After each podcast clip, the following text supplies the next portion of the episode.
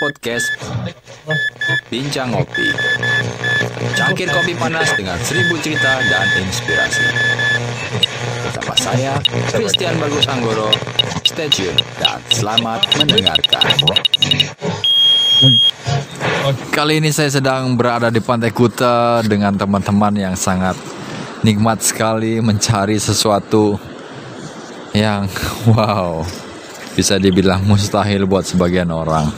Nah, kita berada dengan salah seorang pencari bakat di antara pasir-pasir yang tersembunyi. Nah, ini nih ada masnya nih. Mas, Waduh bro, lagi nyari apa, Mas? emas bro. Emas Ya, di Pantai Kuta. ya, Wow, luar biasa sekali, Mas. ya thank you mas. Mas dari mana, Mas? Saya dari Ma Madiun mas. Oh, Madiun, Mas. Iya, Oh, saya main ke Magetan sering, Mas. ya saya mas. Cari kulit, Mas. Ya, it's okay mas. Wah, ini kita cari-cari emas ya. Ya, Mas, mas, yang boy. Wah, luar biasa. Ini adalah hobi dari teman-teman yang mencari gold treasure hunter. Wow. Pantai Kuta saat ini sedang asik-asik banget ya. Nah, ini ada seru-seruan ini. Nah. Nah, itu dikubur itu. nggak jadi ada orang yang jatuh gitu Wow, wow, wow, wow. Sudah berapa lama Mas komunitas ini terbentuk, Mas? mungkin udah kalau saya main sih udah lima tahunan lebih Lima tahun ya. Dari lima tahun itu apa aja yang yang yang ditemukan? cincin segala macam metal besi semua paku apa pun yang berbentuk berbau logam Ada ya. Ini ada komunitasnya nggak? ada kita banyak komunitas metal detektor Indonesia Metal Detektor Indonesia. Iya. Kalau kita bisa lihat misalnya kita mau gabung nih ke Metal Detektor Indonesia itu ada IG atau Facebook Ah, atau Facebook apa? ada. Ada. ada Namanya Facebook. apa? metal detektor Indonesia Wah, kalian bisa bergabung kepada kawan-kawan Metal Detektor Indonesia. Khususnya hari ini saya bertemu dengan kawan-kawan nih tiga serangkai ya, sedang mencari harta karun di Pantai Kuta. Mungkin kalau saya datang hari ini kan mencari kenangan di Pantai Kuta. Kalau masnya hari ini mencari apa, mas? nyari nyari se sebongkah emas Wih, sebongkah emas itu ada di Jalan Hasanuddin. Hasanuddin, ya. Itu emas antam yang sudah dijual menjadi perhiasan. Tapi kali ini kalau kalian bisa melihat IG-nya tuh mungkin pernah nggak didokumentasikan seperti ini? Ah, enggak kita nggak mau dokumentasikan pernah. Ini sebenarnya keren loh. Kalau mau didok- didokumentasikan sebenarnya keren loh. ya kita nggak punya gini soalnya ah, kamera IG sebenarnya bisa. Lebih baik kita sembunyi-sembunyi aja biar nggak ada yang banyak yang tahu Wah, karena kita bicara tentang emas, di mana gunung emas itu bersatu. Weh. So, lanjut dulu. Selamat bersenang-senang kawan-kawan. A few moments later. Hey sahabat bincang ngopi, jumpa lagi bersama saya. Come back again, lagi dan lagi tiap hari kalian dengar ya di hari Rabu dan juga hari Sabtu. Tentu dengan saya sendiri. Kita jumpa terus. saya mau cari partner co-host sambil ngobrol-ngobrol, tapi saya rasa belakangan ini agak sibuk semua ya. Teman-teman pada sibuk cari waktu untuk berkumpul lagi sudah semakin susah karena segala sesuatunya sudah kembali menjadi normal saat ini. Dan teman-teman juga punya keinginan, punya kesibukan, punya berbagai macam aktivitas yang tentunya tidak mudah ya. Seperti saya atau mereka yang usianya sudah sebenarnya ya usia yang sudah benar-benar fokus gitu memikirkan satu konsep dalam kehidupan. Jenis apa sih kehidupan yang harus kita pilih dan harus kita jalani? Tentunya itu kadang-kadang kalau kita bicara podcast seperti ini kan kita bicara hobi kita bicara kegemaran dan kesukaan. Dan memang kawan-kawan beberapa ada yang suka dengan dunia komunikasi ya, dengan dunia podcasting.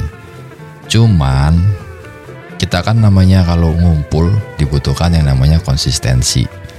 Nah, masalah konsistensi berjumpa dalam satu minggu ini harus berjumpa dua kali, tiga kali itu agak sedikit miss waktunya. Saya yang belakangan nggak terlalu sibuk saat ini aktivitas sudah mulai padat dan banyak pekerjaan mulai berdatangan mulai dari pekerjaan kopi, pekerjaan branding, pekerjaan voice over sudah mulai berdatangan satu persatu. Jadi selain mengkonsep segala sesuatunya untuk customer uh, memikirkan ide-ide apa saja yang kadang-kadang harus saya munculkan ketika kita bekerja ya membranding sesuatu nggak bisa kita cuman suka-suka aja namanya sudah konsisten walau segala sesuatunya dalam kehidupan ini kita sudah mengkonsep gitu sudah memikirkan yang namanya tujuan hidup. Nah di luar itu kan kita punya hobi. Ketika kita bicara hobinya kita itu udah mulai menjadi mata pencarian dan mata pencarian itu sudah menjadi deadline. Nah loh di sinilah masalahnya sering muncul. Jadi suka nggak mood jadi suka nggak bisa uh, bekerja kayak dulu lagi gitu kita senang-senang apa pun itu di podcast Bincang Ngopi saya selaku host kalian sahabat ngopi kalian tetap selalu konsisten berada di sini menyapa kalian dan kita seru-seruan aja ya. Namanya saya hobi dan saya memang suka kegemaran saya dari dulu membuat sebuah voice recording. Sejak SD itu saya sudah mulai belajar merekam suara saya sendiri untuk saya dengar. Kebetulan di dunia dewasa ini kumat lagi semenjak pandemi. Ya, seru dong kita back to basic kembali, nggak ada yang ketinggalan. Jadi segala sesuatunya dari masa lampau kita punya kesenangan kalau terkubur ketika kita dewasa kita ingat kita mau kembali lagi kita belajar upgrade skill kita mau upscale tentang sesuatu yang ingin kita tuju itu pasti saya yakin 100% bisa dan kita semua mampu. So kembali ke topik back again guys. Terima kasih buat kalian yang sudah hadir di edisi podcast kali ini. Terima kasih selalu. Kalian semua adalah orang-orang yang diberkati oleh Tuhan dan semesta Segala sesuatunya tercipta memang untuk senang-senang ya di dunia ini Jangan dibawa terlalu serius nanti sepeneng kepalanya Jadi di edisi ini edisi yang saya record baru ya. Cuman tadi di opening kita senang-senangan kalian semua mendengar sebuah obrolan dari saya sama kawan-kawan ya. Kawan-kawan baru jumpa. Nah kebetulan kan di komputer saya tuh ada stok banyak sekali podcast edisi rekaman ya.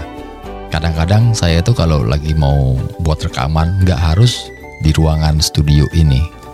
Kadang-kadang pas saya lagi ada momen-momen tertentu di mana gitu nongkrong ada orang yang buat sesuatu yang asik seru mau diajak ngobrol biasanya saya langsung rekam.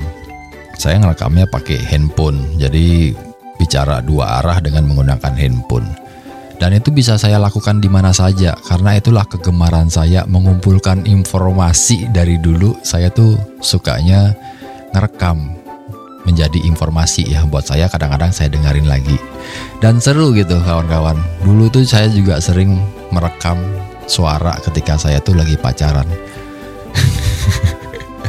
Cuman itu koleksinya semua sudah tidak ada. Kebetulan dulu saya punya mantan nggak suka saya mengkoleksi hal-hal seperti itu seperti surat seperti kaset suara-suara rekaman itu semuanya dikumpulin lalu dibuang atau dibakar. Ya ampun itu sejarah ya sejarah yang tidak mungkin terulang lagi. Cuman gara-gara doi cembokur cemburu jadinya ya saya kehilangan jejak saya kehilangan momen ya kenangan yang dari masa lalu itu kuan gara-gara cemburu aja hilang deh sama diary saya yang ada tulisan dari seseorang, tulisan dari teman-teman menitipkan pesan dan lain-lainnya semuanya is gone. ya hanya ada di kepala saya ingatan dan kebetulan di podcast saya suka ngobrol-ngobrol seperti ini, berbicara. Jadinya saya spill, saya ingatkan kembali, oh ternyata ada dalam sebuah momen kehidupan saya dulu mengkoleksi hal-hal yang sebenarnya nggak lazim. ya, gitulah hidup ya kawan-kawan. Hmm.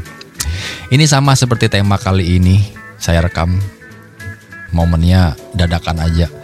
Waktu itu momennya ada di Pantai Kuta. Di Pantai Kuta pada saat pandemi di mana semuanya sepi, semuanya tutup, jalan raya juga sepi, nggak ada kehidupan. Nah, memang saya aja yang agak sedikit jahil. Ini momennya bukan pada saat pandemi 2020 awal-awal ya. Itu agak mau ke akhir. Di mungkin di September, Oktober saya pergi naik motor ke Pantai Kuta. Saya nongkrong. Waktu itu pukul menunjukkan kayaknya sudah pagi, sekitar jam 1 atau jam 2, jam 3-an lah. Emang kebiasaan saya kalau pergi ke pantai kadang-kadang naik motor sampai saat ini pasti pagi subuh ya. Saya nongkrong di sana. Sepi karena nggak ada orang. Saya senang aja sepi-sepi. Dan kalau saya pergi ke tempat yang sepi-sepi seperti itu di mana pun saya tuh terkadang membawa cuman handphone yang biasa. Jadi uh, dompet diisi uang yang secukupnya aja. Dan lain-lainnya nggak terlalu berlebihan. Motor pun yang saya pakai motor yang sebenarnya kalaupun mau ditodong mau diambil gitu ya kadang-kadang saya kasih aja gitu. Karena kebetulan motornya motor biasa aja gitu. Jadi nggak ada yang dirisaukan cuman ada saya sendiri duduk saya melihat laut saya mendengar laut. Dan pada saat itu pas saya lagi menikmati bir ya saya beli bir beberapa botol itu saya nikmatin. Kebetulan waktu itu ada terlintas tiga orang remaja. Eh bukan remaja juga sih sudah tua juga kayaknya seusia saya. Itu saya saya liatin dari jauh mereka tuh menggunakan center melihat ke kiri ke kanan. Dan kebetulan biasanya pada saat itu saya kan punya kawan-kawan yang bergerak dalam bidang organisasi. Ada namanya Safe Turtle. BSTS itu di Pantai Kuta. Di depan Hard Rock pantai masuk belok kiri di situ ada patung penyu. Dan mereka memang orang-orang yang menyelamatkan penyu gitu. Mereka tuh suka cari telur penyu yang bertelur di malam hari. Dan saya pikir pada saat itu saya ngelihat ada cahaya center nah ini kayaknya si anak-anak nih lagi pada nongkrong. Eh atau lagi nyari telur penyu. Ya saya samperin aja. Gitu. tapi kok semakin dekat kayaknya bukan anak-anak ya bukan teman-teman saya. Atau mungkin anak baru. Akhirnya saya menyapa mereka bertanya lagi ngapain? gitu. Dan surprise saya melihat mereka menggunakan alat gitu mencari sesuatu di pasir pantai.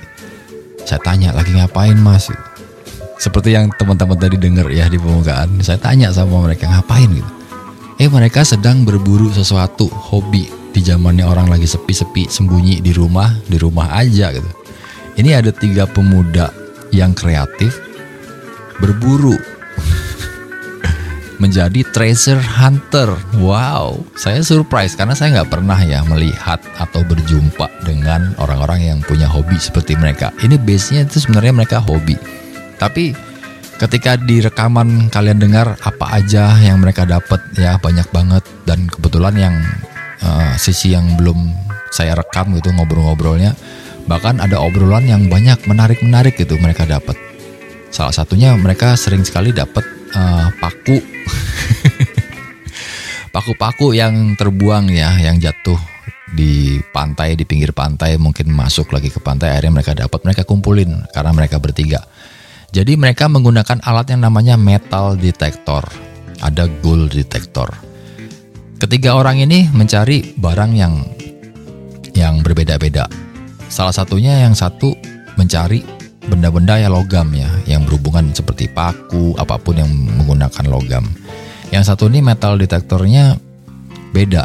Jadi untuk mencari gold mencari emas. Yang satunya lagi mencari barang-barang yang kayak seperti harta karun ya maybe mereka bilang mencari yang lebih dalam lagi bisa menemukan benda-benda yang lebih berat seperti jam tangan dan ada belati ya pisau-pisau yang sudah terkubur di bawah uh, pasir pantai. Mereka berkeliling-keliling. Saya tanya, kenapa harus di pantai itu? Dan di pantai kadang-kadang orang kan banyak barang-barang yang terjatuh, yang tertinggal gitu. Termasuk anting-anting, gelang, kalung yang ada emasnya, mungkin ada berliannya. Kadang-kadang mereka bilang mereka pernah mendapatkan ah, kalung emas. Kadang-kadang ada yang bilangnya itu ada sampai berliannya. Saya kan surprise gitu. Wah, hobi yang menarik ya. Ini hobi yang nggak biasa, yang unusual, yang tidak biasa banget ya. Jadi saya karena melihat mereka punya hobi yang tidak biasa, seperti kebanyakan orang-orang, ya saya menarik gitu. Akhirnya saya mengeluarkan handphone saya, saya tanya, Mas boleh dong kita ngobrol-ngobrol sebentar. Gitu. Dan Mas yang saya ajak bicara itu orangnya lucu gitu. Sebenarnya mereka lucu dan yang satunya karena saya bicara nggak terlalu lama karena dipotong sama kawan yang satunya gitu. Kawan yang satunya ini nggak suka dia itu terlalu diekspos atau ditanya-tanya karena memang ini seperti eksklusif gitu, hobi eksklusif mereka. Tiap malam mereka berkeliling dari pantai ke pantai, dari Pecatu, Sanur, Pantai Kuta dan pantai-pantai lainnya. Saya tanya sama masnya, Mas, biasanya apa aja yang dapat? Yang paling banyak deh apa yang dapat? Mereka bilang sih kebanyakan dapatnya logam ya atau paku paku kadang-kadang dapatnya banyak karena satu tuh mengendong tas gitu. Jadi mendapatkan barang apa tuh dimasukkan ke tas yang digendong di belakang tas seperti keranjang gitu. Katanya habis itu pakunya dikumpulin diapain gitu. Terus dia bilang dijual. Wah keren juga ya mencari penghasilan tambahan malam-malam ya. Mereka paginya kerja. Uh, beberapa orang dari mereka itu dua orang bekerjanya sebagai nelayan di pagi hari, sedangkan yang satunya itu uh, pekerja bangunan. Dan mereka sepakat pada saat sudah tidak kerja lagi, mereka punya hobi mencari barang harta karun. Mungkin paku itu juga harta karun ya. Dan saya tanya terus sudah dikumpulkan dijual, bagaimana sistemnya? Jadi si masnya bilang setelah dikumpulkan dijual laku gitu ditimbang ya. Artinya paku-paku logam besi dan sebagainya tuh semua ditimbang dijual uangnya nanti mereka bagi tiga.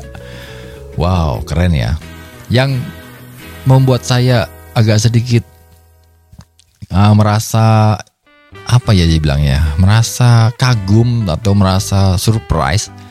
Yang satunya itu saya lupa namanya siapa karena itu dadakan dan sudah pagi. Saya nggak ingat namanya mereka tuh satu persatu siapa. Yang satunya tuh masnya tuh mengendong uh, keranjang di belakang tapi dia juga meletakkan skop.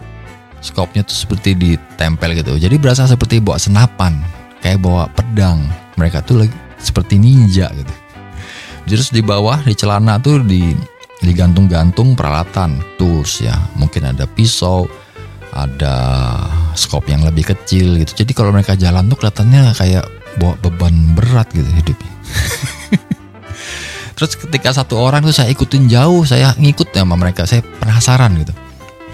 Setelah saya ikut, yang satu dapat tuh kan alatnya bunyi ya, pip pip pip ya. Berarti ada sesuatu di situ. Saya tanya itu kedalamannya bisa kedetek nggak? Ada nih, ada yang benda uh, metal detector nih, ada yang bisa uh, mendeteksi yang dalamnya cuma 3 meter, ada yang 5 meter, ada yang 10 meter. Saya tanya, kalau yang 10 meter terus gimana dong? Kira-kira tebak-tebakan dong itu isinya apa gitu. Ya, bisa jadi dapat barang yang langka, bisa jadi cuman barang yang biasa. Nah, skopnya itu mereka menggali, mencari sambil bawa kayak seperti jaring. Jadi pasir yang sudah dimasukin ya mereka gali mereka letakkan di kayak jaring gitu. Setelah itu diayak. Pasirnya jatuh lagi. Dan benda-benda yang uh, benda-benda yang mereka cari itu bisa nempel di jaringnya. Karena di jaring itu dia letakkan ada beberapa uh, magnet. Kreatif ya. Saya surprise loh.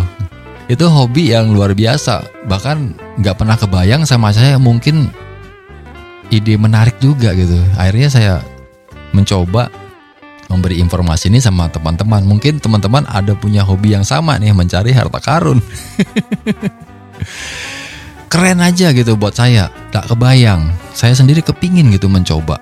Mungkin saya mencoba mencari hal-hal harta karun ya. Mungkin aja saya menemukan cerita-cerita di masa lalu bersama mantan saya. Gitu. Aduh, nggak kebayang gitu saya menemukan cerita masa lalu, apalagi cerita mantan yang galak-galak, yang jutek-jutek, yang judes ya. Hmm, biarkanlah mereka tetap tenggelam di dasar lautan. Jadi selain itu mereka itu ada namanya komunitas di internet mungkin teman-teman bisa cek keberadaan mereka atau di Facebook. Mereka tuh ngumpulnya di Facebook. Ada grup namanya Metal Detector Indonesia. Di sana banyak tuh peralatannya, terus sharing pengalaman, terus mereka tuh saya sudah ngecek gitu, mereka tuh suka foto barang-barang apa aja yang didapat gitu kan. Mereka tuh se- selfie. Selfie sama barang hasil harta karun yang dia dapatkan gitu. Jadi mereka tuh flexing gitu di foto di grupnya. Ada yang dapat paku, di foto dipajang di grup. Terus banyak yang komen. Ada yang posting dapat barang-barang yang kayak saya sendiri nggak tahu barang apa itu. Seperti bulat gitu. Kayaknya sih berat ya, tapi saya nggak tahu itu apa. Semoga di dalam kotak yang bulat itu isi barang langka. Ya siapa tahu ya. Aku tanya sama masnya, dapat apa lagi mas yang paling momen yang paling mengharukan atau mungkin yang membahagiakan pernah dapat apa sih di sana? Ya mereka bilangnya mereka pernah dapat emas sama berlian. Waktu itu saya tanya sama mereka, emasnya berat dong? Enggak, mereka bilang dapatnya 10 gram. Wow, 10 gram. Wow, luar biasa. itu luar biasa sekali ya dapat rezeki nomplok. Tiba-tiba kita punya hobi daripada nggak bisa tidur main yang aneh-aneh ya berpikir yang aneh-aneh. Mendingan mencari sesuatu sambil mencari berpikir atau ngobrol sama teman-teman. Apalagi dengerin suara laut pantai di malam hari. Kita ngelihat cahaya bulan yang mau tenggelam. Wah rasanya Istimewa, istimewa sekali kawan-kawan kalau kalian yang punya hobi serupa seperti itu, apalagi hobi nongkrong di pantai ya, sama seperti saya. Sampai pagi kadang-kadang suka tertidur sampai subuh. Langitnya sudah berwarna biru, mau berubah ya, matahari mau bersinar. Itu rasanya ya tuh istimewa sekali, indah. Indah buat kawan-kawan yang nggak pernah pingin coba hal itu atau nggak punya pengalaman, coba deh dirubah. Coba sekali-sekali rasain keindahan di pantai malam hari ya menjelang pagi. Apalagi pantai yang orangnya tuh sebenarnya nggak terlalu banyak. Sepi lah istilahnya. Itu buat kita mendengar sesuatu vibe-nya luar biasa kawan-kawan. Air laut yang deru ombaknya mulai menjisir pasir pantai, suara ngeses-ngeses gitu, suara deru ombak. Itu mendiamkan pikiran saya yang kadang-kadang pikiran saya tuh banyak banget terlintas informasi gitu. Keinginan-keinginan saya yang tujuan-tujuan bagaimana cara menciptakan pekerjaan dan hal lain-lainnya itu suka banyak gitu numpuk di kepala saya. Dan suara pasir, suara air yang bergesekan dengan pasir pantai membuat saya lebih damai dan tenang membuat pikiran saya shut down. Saya lebih fokus mendengarkan suara yang ada itu. Dan itu buat saya wonderful, istimewa. Nggak ada duanya. Sepakat ya buat kalian yang punya hobi sama seperti saya. Apalagi ketika kita nongkrong, kita melihat sesuatu yang indah-indah gitu. Ya kan indah ya kita ngelihat orang yang punya hobi nyari emas harta karun gitu. Kan itu hal yang indah. Apalagi tiba-tiba kalau malam hari kita nongkrong subuh-subuh ada seseorang jalan gitu. Terus seorang wanita cantik atau pria tampan. Wah, gimana tuh kalau kalian? Kalian sapa nggak? Jangan-jangan habis disapa, ih serem. Jadi kawan-kawan, Selain itu, next episode mungkin saya akan menghadirkan cerita yang hampir sama seperti ini, tapi dengan komunitas. Kawan-kawan saya, komunitas UFO, extraterrestrial, ET. Ih, ini komunitas luar biasa. Kebetulan ini di Indonesia ada komunitas UFO ya, komunitas uh, alien Indonesia. Ada komunitas teman-teman yang dari crop circle tulisannya banyak banget di sana. Tapi ini komunitas yang benar-benar mereka suka nongkrong, suka hadir ngebahas tentang alien. Mereka suka cari alien. mereka suka naik gunung, membawa peralatan yang aneh-aneh, mencari frekuensi atau sekedar menangkap sesuatu gitu. Mungkin pesan suara dari angkasa ya mereka bisa dengarkan sebagai bukti dari peradaban alien. Luar biasa. Kebetulan di Bali ada dua orang pemuda yang mewakili dari komunitas alien Indonesia.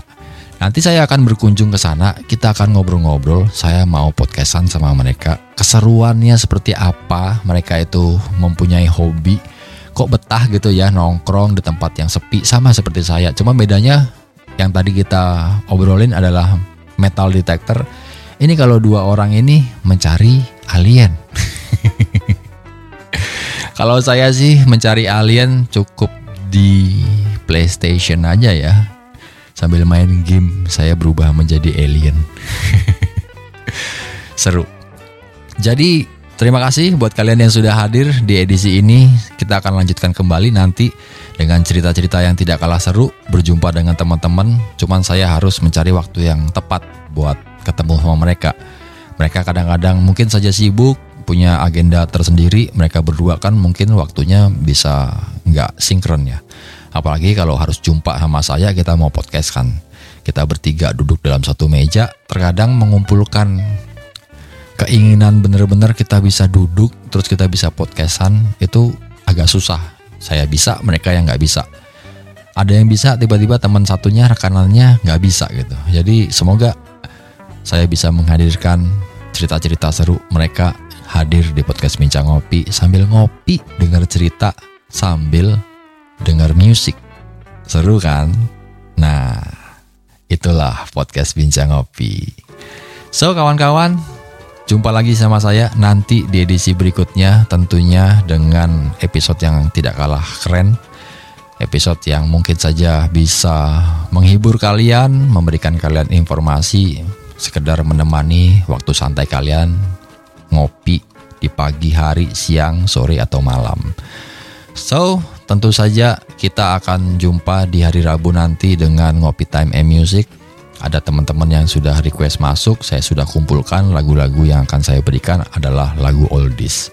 Tetap pantau, hadir terus di podcast Bincang Ngopi sebagai sahabat ngopi kalian. Saya Christian Bagus Anggoro ingin pamit undur diri. See you and sampai jumpa.